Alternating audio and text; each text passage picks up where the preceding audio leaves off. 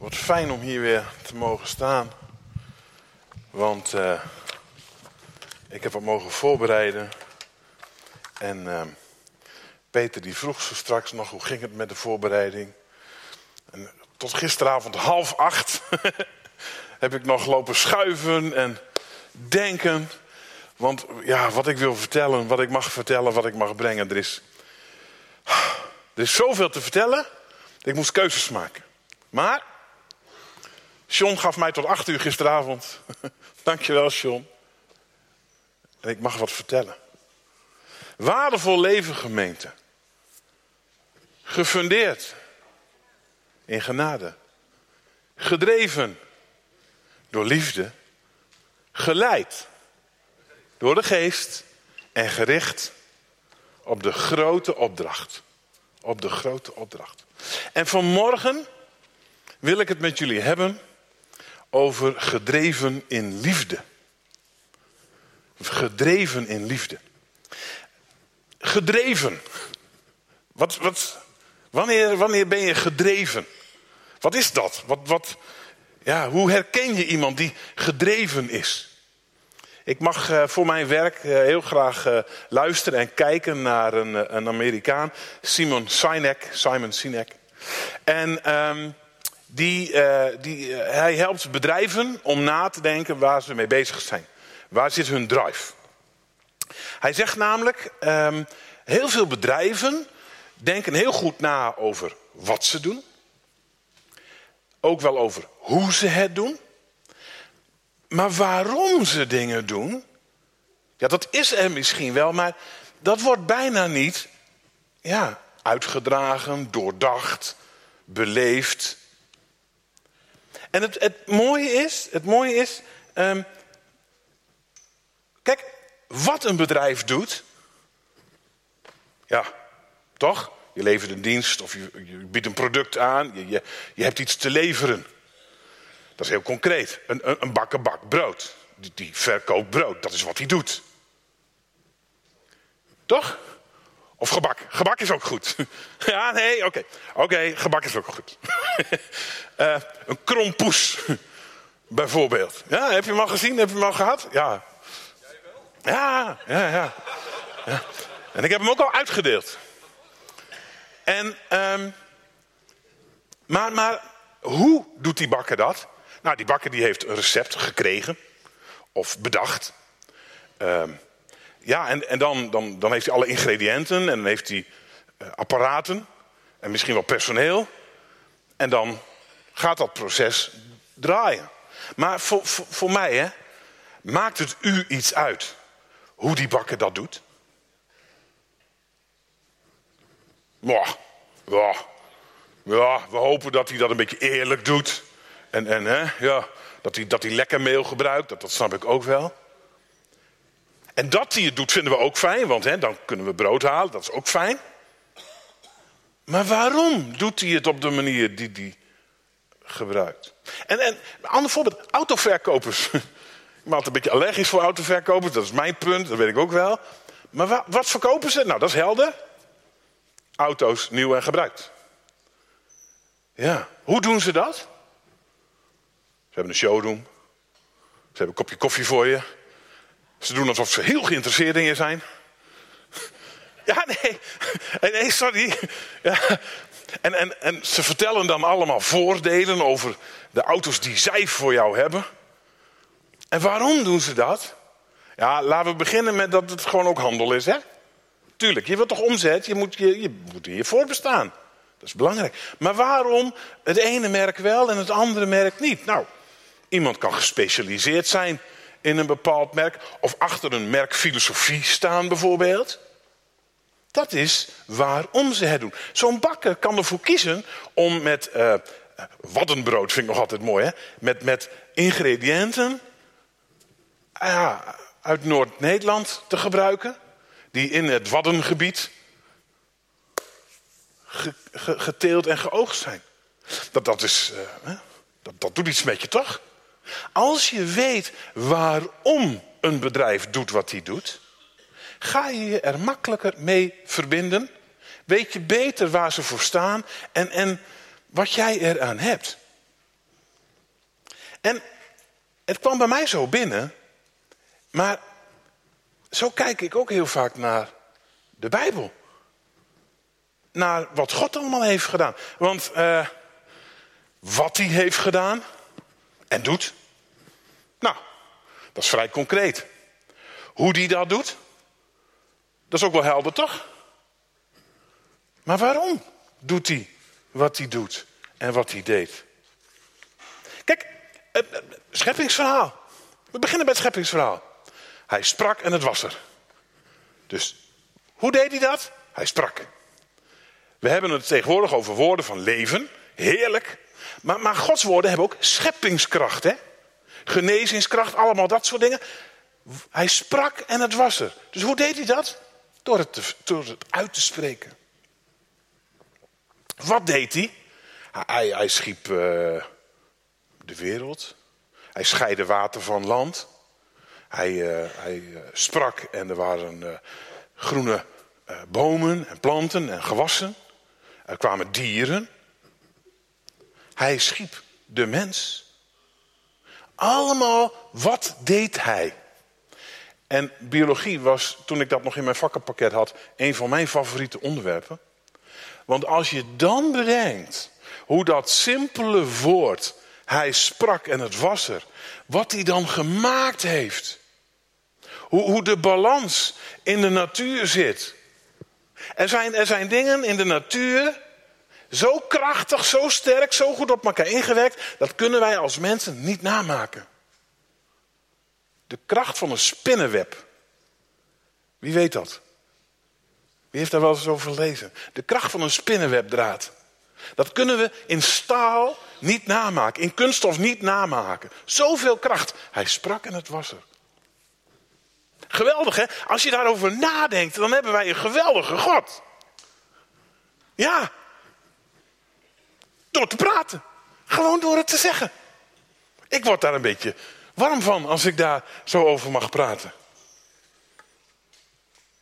Maar nou over geloof. Wat geloof je? Hoe geloof je? Heb je word je dat wel eens naar gevraagd? Wat, ja, wat geloof je nou eigenlijk? Hoe geloof je nou eigenlijk? Um, als het gaat om de, om de uh, hoe, en dat is vaak nog wel te doen. Um, we gaan naar de kerk. Um, we hebben een paar afspraken met elkaar. Dat noemen we wetten of, of, of, of regeltjes of dat soort dingen. Hè? En als je je daar dan aan houdt, nou, dat is wat je hè, gelooft. Ah ja, en, en ik geloof ook in een, een, een, een scheppende God en een liefhebbende Jezus. Dat is wat ik geloof. Ja, ongeveer, zoiets. Maar hoe geloof je dan? Hoe geloof je dan?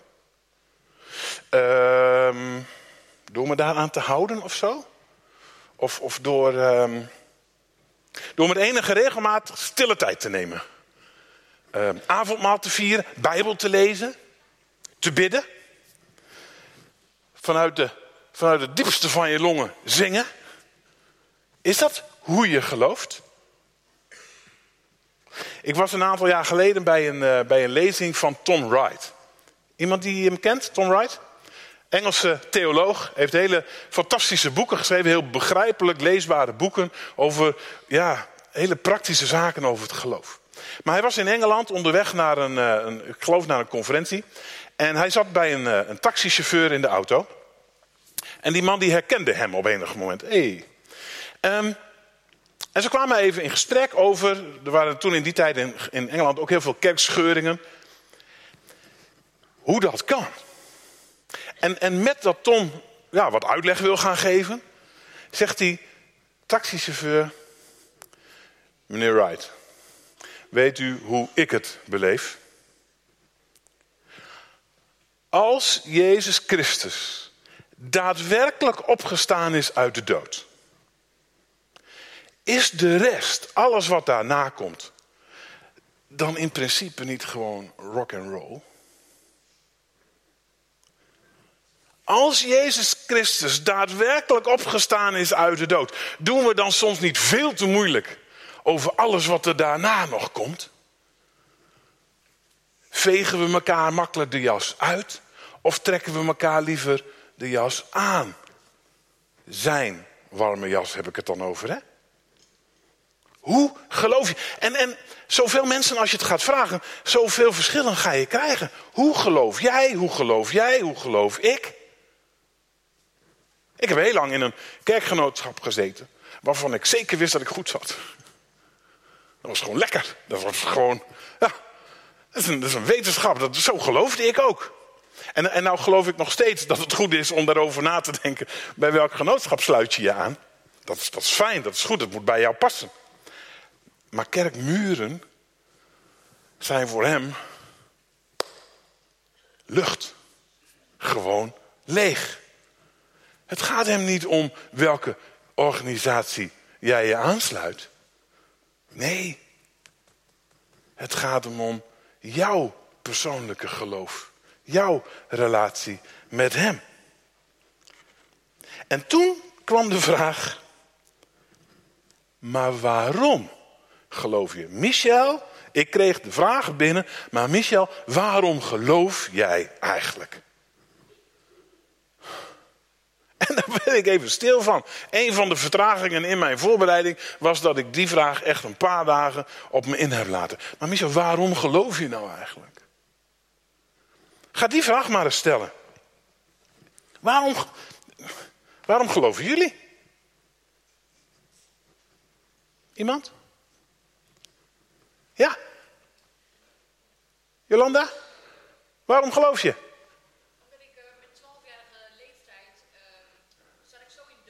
Ja. Hij heeft zich aan jou geopenbaard. Geweldig. Zie ik een hand aan nog?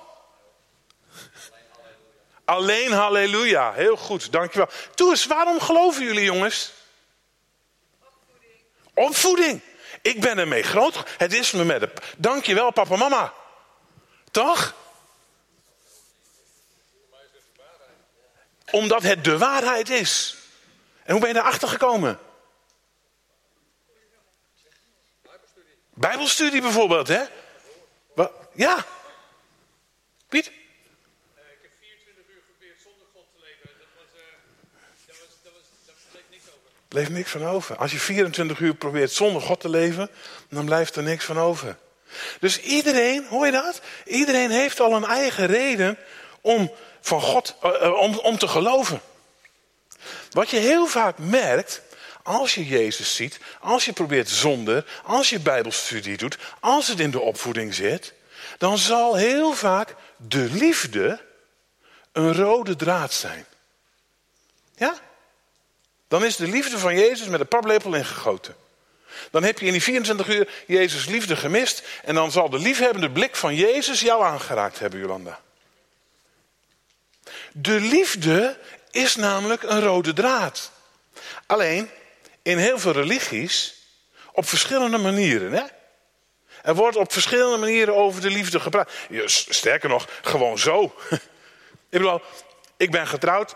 Ik denk dat ze meekijkt. Lieverd, ik hou van je. Maar ik hou ook van af en toe wat rust.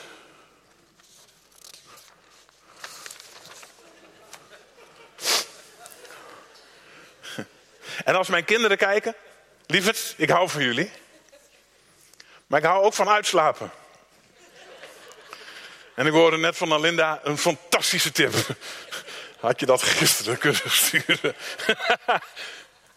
ja, houden van. Eh, ik hou van praise en ik hou van wandelen in de weilanden. Wat is houden van? Want er zitten verschillende waardes in, toch? Ik had die vraag in de informeel gezet. Hè? Mag, mag ik een beetje, een beetje licht in de zaal? Waarom hou jij eigenlijk van iemand anders? wie, heeft er, wie heeft die vraag gelezen en erover nagedacht? Waarom hou jij van iemand?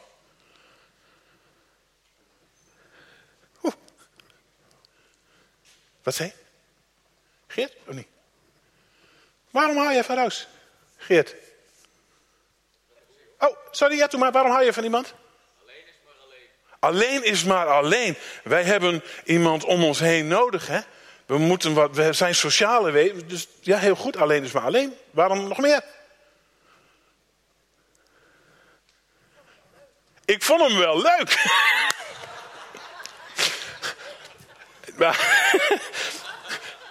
waarom dan, Lia?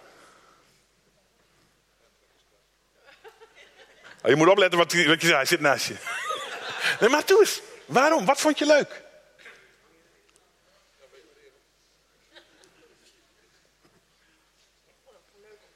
Leuk om te zien. Ja. Jij durfde wel met hem over straat. Je wou wel met hem. Ja. Ja, maar dat kan hè. Ja, maar jongens, dat is niet onbelangrijk. Doe even. Wie, wie nog meer? Wie in dit vak? Waarom hou je van iemand? Ja. Je voelt je verbonden met iemand. En waar komt die verbinding door? Overeen, ja, eh, gelijkgestemd, gelijk eh, interesses, dat soort dingen. Hè? Bijvoorbeeld, ja. Ehm, als je na gaat denken over waarom hou je van iemand, dan, dan hoor je inderdaad vaak. Oh, jullie zijn, jij wou nog wat zeggen, Peter. Oh ja, ja, Waarom? omdat ze ook van mij houden. Omdat ze ook van mij houdt. Oh, ze knikt. Ze knikt. Nee, ze knikt. ze knikt. Cool, hè? Waarom hou jij van iemand? Waarom houdt iemand van jou? Dat kunnen we vaak wel ja, benoemen. Het gekke is alleen,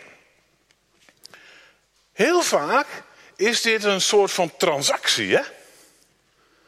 Als we allebei overeenkomstige interesses of, of overeenkomsten hebben, dan vallen we in elkaar. Dan klopt het blijkbaar. Ehm, als hij er leuk uitziet, wil ik wel naast hem lopen. En dan mag hij wel verkering met mij, zoiets. Ja, als zij van mij houdt, hou ik van haar. Heel vaak zit er dus een, een soort, ja, overeenkomst. Het is bijna transactie, hè? Voor wat hoort wat liefde. Ik, eh, ik heb daar alleen één probleem mee, kwam ik achter. Want wat nou als dat afneemt? Wat nou als hij er wat minder leuk uit gaat zien? Als we blijkbaar na een jaar erachter komen dat onze interesses. Ja, dit stukje dat klopt nog wel, maar daarbuiten ineens ik dacht dat iemand voor 100% van mij hield, maar dat blijkt 75% te zijn. Is dat voor mij dan nog steeds voldoende? Of knabbelt het dan aan jouw hoeveelheid liefde voor de ander? Ehm, heel simpel, lieve mensen. Het gaat niet altijd goed. Ik ben het levende voorbeeld. Ik ben twee keer gescheiden, drie keer getrouwd. Als dat zo is, dan is er in de liefde iets niet goed gegaan. Kun je lang verhaal, kort verhaal, maar dat is gewoon de basis. Dan klopte er iets niet.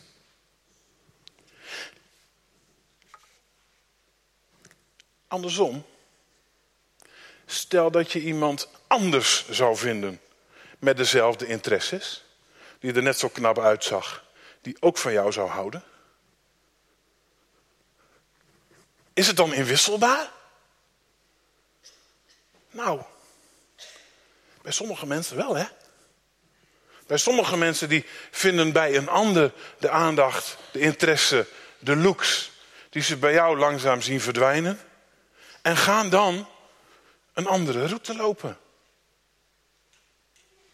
Dat betekent dat de liefde heel veel pijn kan doen.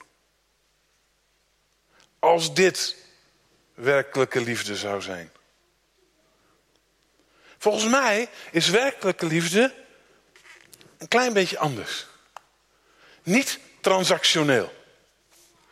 Het eerste waar ik naar wil kijken in de Bijbel. Want ik, ben. Ik ben bijna alle bladzijden in de Bijbel gaat het over liefde. Dus dat was ook mijn struggle. Hoe, hoe, wat lees ik wel en wat lees ik niet? En het eerste wat ik met jullie wil lezen is het begin van 1 Korinthe 13. Nou, dan weten we allemaal wat daar staat. In de herstelde, of in de herziene staat, de herstelde, in de herziene statenvertaling staat boven 1 Korinthe 13 de uitnemendheid van de liefde. Ik vind dat zo'n mooi woord, die wou ik even noemen. De uitnemendheid van de liefde. En dan staat daar, al zou ik de talen van de mensen en van engelen spreken, maar ik had de liefde niet. Dan zou ik klinkend koper of een schallende symbaal zijn geworden. En let op, al zou ik de gave van profetie hebben. En alle geheimenissen weten en alle kennis bezitten.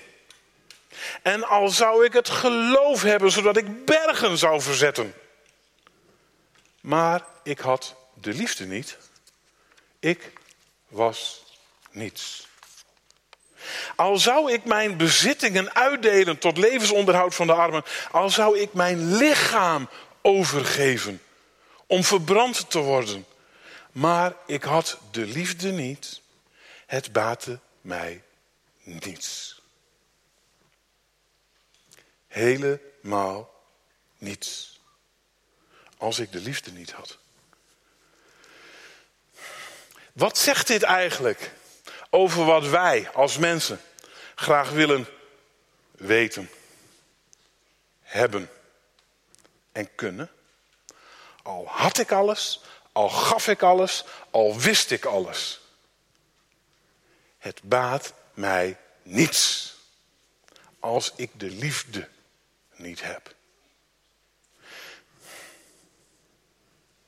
Weet je, Jezus heeft ons dat gelukkig op een heel aantal plekken heel praktisch laten zien. Een van de plekken waar dat gebeurde was toen hij, het, toen hij onderwijs gaf aan de discipelen. Hij gaf onderwijs en hij had het verhaal over de fariseeër en de tollenaar. Die allebei in de tempel waren om te bidden. Lucas 18. Hij sprak met het oog op sommigen die van zichzelf overtuigd waren dat zij rechtvaardig waren en alle anderen minachten. Oftewel, zij vonden zichzelf beter dan de mensen die het niet volgens hun regeltjes deden. En hij sprak deze gelijkenis. Twee mensen gingen naar de tempel om te bidden. De een was een fariseer en de ander een tollenaar. De fariseer stond daar en bad dit bij zichzelf. O God, ik dank u dat ik niet ben zoals de andere mensen. Rovers, onrechtvaardigen, overspelers of zoals ook deze tollenaar. Ik vast twee keer per week. Ik geef tienden van alles wat ik bezit. Maar ook de tollenaar stond daar. En de tollenaar bleef op een afstand staan. En hij wilde zelfs zijn ogen niet naar de hemel opheffen. Maar hij sloeg op zijn borst en zei: O God, wees mij zondaar genadig. Ik zeg u, deze man ging gerechtvaardigd terug naar huis. In tegenstelling tot die anderen. Want ieder die zichzelf verhoogt, zal vernederd worden. En wie zichzelf vernedert, zal verhoogd worden. Nou, als jij daarbij was geweest en je had dit onderwijs gekregen. Dank u Jezus voor zulke heldere woorden, zo'n fijne boodschap. Hè? Hier kunnen we wat mee. Hier kunnen we gewoon direct mee aan de slag, toch? Hoe, hoe, hoeveel handvatten wil je om dit in praktijk te brengen? Moet je opletten wat er gebeurt. Direct hierna. Lucas 18, vers 15 en 16. Kwamen er ouders, waarschijnlijk moeders, om hun kinderen bij Jezus te brengen. En zij brachten ook de jonge kinderen bij hem, opdat hij die zou aanraken. En toen de discipelen dat zagen, bestraften ze hen. Jezus echter riep de kinderen tot zich en zei: Laat de kinderen tot mij komen en verhinder hen niet, want voor zodanigen is het koninkrijk van God.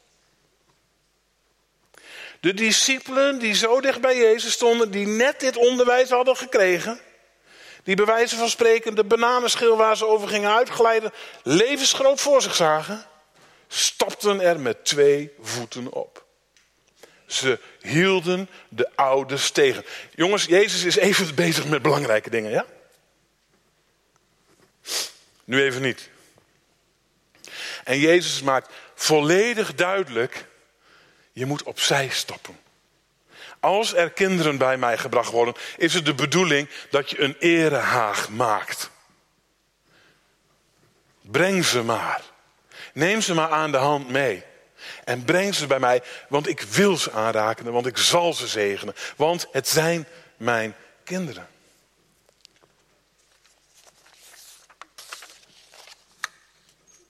Toch is de essentie van waarom geloof je eigenlijk nog niet helemaal beantwoord, of wel? Waarom geloof je eigenlijk? En ja, ik, ik noem allemaal voorbeelden. En, en ja, je kan gedrag kopiëren. Je kan doen wat er in de Bijbel staat. En dan niet de liefde hebben. Waarom, waarom houdt God eigenlijk van jou? Dat was het volgende wat bij mij binnenkwam. Misschien is waarom geloof ik eigenlijk wel een hele goede vraag. Maar, en, en wat is die liefde dan voor mij? Maar waarom houdt God eigenlijk van jou en van mij? Kijk, Johannes 3, vers 16. Ik, ik hoef hem eigenlijk niet voor te lezen. Was wel mooi trouwens. Net vlak voor de dienst draaide ik mijn hoofd om en toen stond 3 minuten 16 nog in beeld. Dat zijn weer die knipoogjes van boven, daar hou ik van. Johannes 3, vers 16 en 17. Want zo lief heeft God de wereld gehad dat hij zijn enige geboren zoon gegeven heeft, opdat ieder die in hem gelooft. Wacht even hoor. Op dat staat hier. En op dat is een antwoord op een waarom vraag, toch? Opdat een ieder die in hem gelooft niet verloren gaat, maar eeuwig leven heeft. Dus waarom houdt God van jou en van mij? Om ons te behouden. Het, vers 17. Want God heeft zijn zoon niet in de wereld gezonden opdat hij de wereld zou veroordelen, maar opdat, nog een keer, maar opdat de wereld door hem behouden zou worden. Jezus heeft zijn zoon naar de aarde gestuurd. Voor jou. Voor jouw behoud. Maar voor de hele wereld. Waarom? Waarom? Om ons te behouden. En, en waarom wil hij ons behouden? Omdat wat hij in eerste instantie met ons al begonnen is. Die persoonlijke relatie. Zoals hij met Adam en Eva wandelde in het paradijs. Ze hadden directe omgang met God de Vader. Zo wil hij dat het weer gebeurt. Hij wil ons behouden om dat weer terug te krijgen. Als je dan even verder kijkt in 1 Korinthe 13, als het gaat om die liefde, dan staat er bijna een handboek, hè? Wat de liefde allemaal is, hè? Zullen we eens kijken? Ik, vind altijd zo, ik word hier altijd zo blij van als ik lees wat de liefde allemaal is. De liefde is geduldig. Ze is vriendelijk. Ze is niet jaloers. De liefde pronkt niet. Zij doet niet gewichtig. Ze handelt niet ongepast. Ze zoekt niet haar eigen belang. Ze wordt niet verbitterd. Ze denkt geen kwaad. Ze verblijdt zich niet over ongerechtigheid, maar verheugt zich over de waarheid. Ze bedekt alle dingen. Ze gelooft alle dingen. Ze hoopt alle dingen. Ze verdraagt alle dingen. De liefde vergaat nooit. En nu blijven geloof, hoop en liefde, deze drie. Maar de meeste van deze is de liefde. En toen las ik hem ook nog even in de Bijbel in gewone taal. Want hier staat ehm, geloof, hoop en liefde, deze drie, maar de meeste van deze is de liefde. In ehm, de Bijbel in gewone taal staat daar, dit is dus waar het om gaat. Geloof, vertrouwen en liefde. Dat moet steeds het belangrijkste in ons leven zijn, maar het allerbelangrijkste is de liefde. Ik vond het zo mooi uitgelegd, zo mooi vertaald. Het moet er alle drie zijn, maar het allerbelangrijkste is de liefde. Ik word er bijna een beetje kriegel van het woordje liefde. Zo vaak heb ik het nu gelezen en, en verteld en ik ben er al even mee bezig. Wat gebeurt er als je de liefde vertaalt, vervangt door Jezus? Jezus, let op, is geduldig, is vriendelijk, is niet jaloers, pronkt niet. De hele lijst kun je invullen. De liefde, lieve mensen. Jezus is de mens geworden liefde van God. De mens geworden liefde van God op aarde voor jou en mij beschikbaar.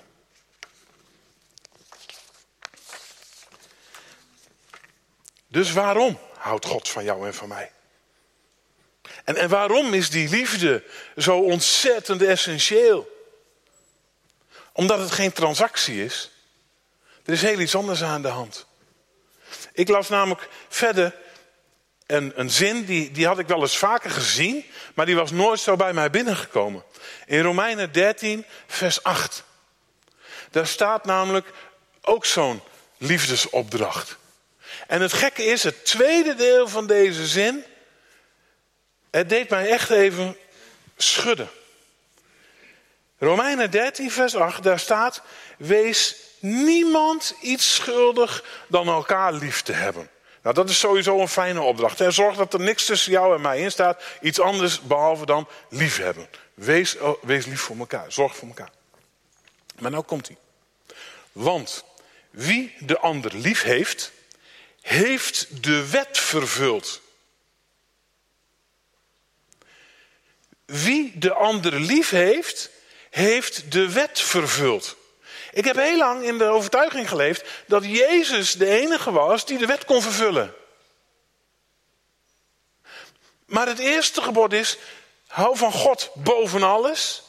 En het tweede gebod, de samenvatting van Jezus, en van je naaste als van jezelf. Dit zijn de grote geboden. Als je dat doet, heb je de wet vervuld. Vervul je de wet. En dat was het andere wat ik zo mooi vond om te lezen in Romeinen 13, vers 8. Want daar staat namelijk weer een andere manier. Zorg ervoor dat je niemand iets schuldig bent. Voor jullie geldt alleen deze regel: houd van elkaar. Want als je houdt van de ander, heb je precies gedaan waar de wet om gaat. Heb je precies gedaan waar de wet om gaat. Hoe vaak wordt de wet niet als beklemmend ervaren? Als, als je, moet je, eh, je moet je aan de wet houden, want anders dan komt het niet goed. Maar hier staat heel iets anders. De wet draait erom. Dat hij van ons en wij van, en, eh, wij van hem en wij van elkaar houden. Want dan doe je waar de wet over gaat. Zo'n transactionele liefde, dat is eigenlijk een liefde zonder echt fundament. Het, het kan ermee beginnen, hè? Verliefdheid, dat, dat begint en, en nou, dat, dat voelt goed en dan groei je naar elkaar toe, dan ontdek je.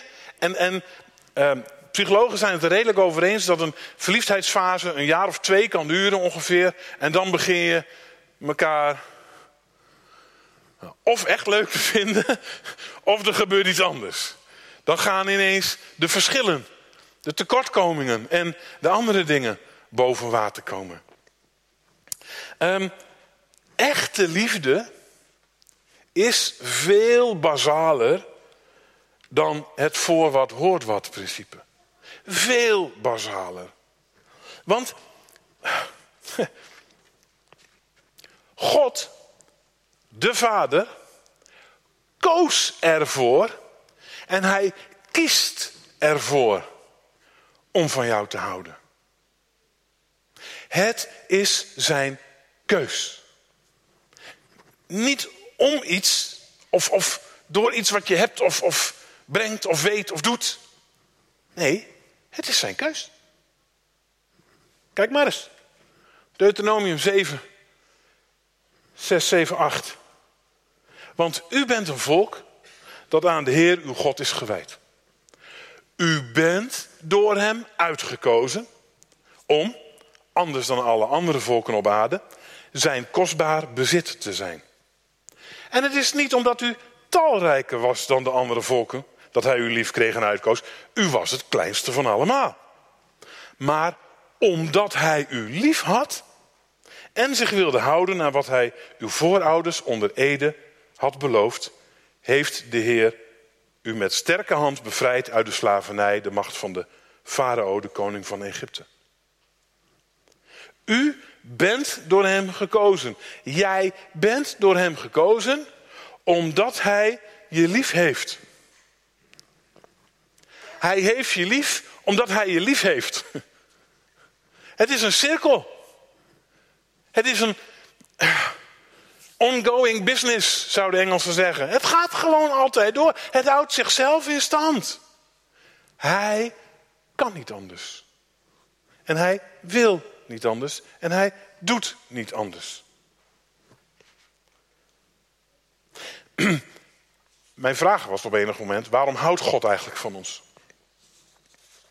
Nou, niet omdat we dus allerlei dingen doen en weten en, en dat soort zaken. Er is niets wat invloed heeft, wat wij kunnen doen, op zijn liefde. Ik, ik, heb, ik vond een vergelijk in het verhaal van de barmhartige Samaritaan. Jezus vertelt het verhaal van de barmhartige Samaritaan.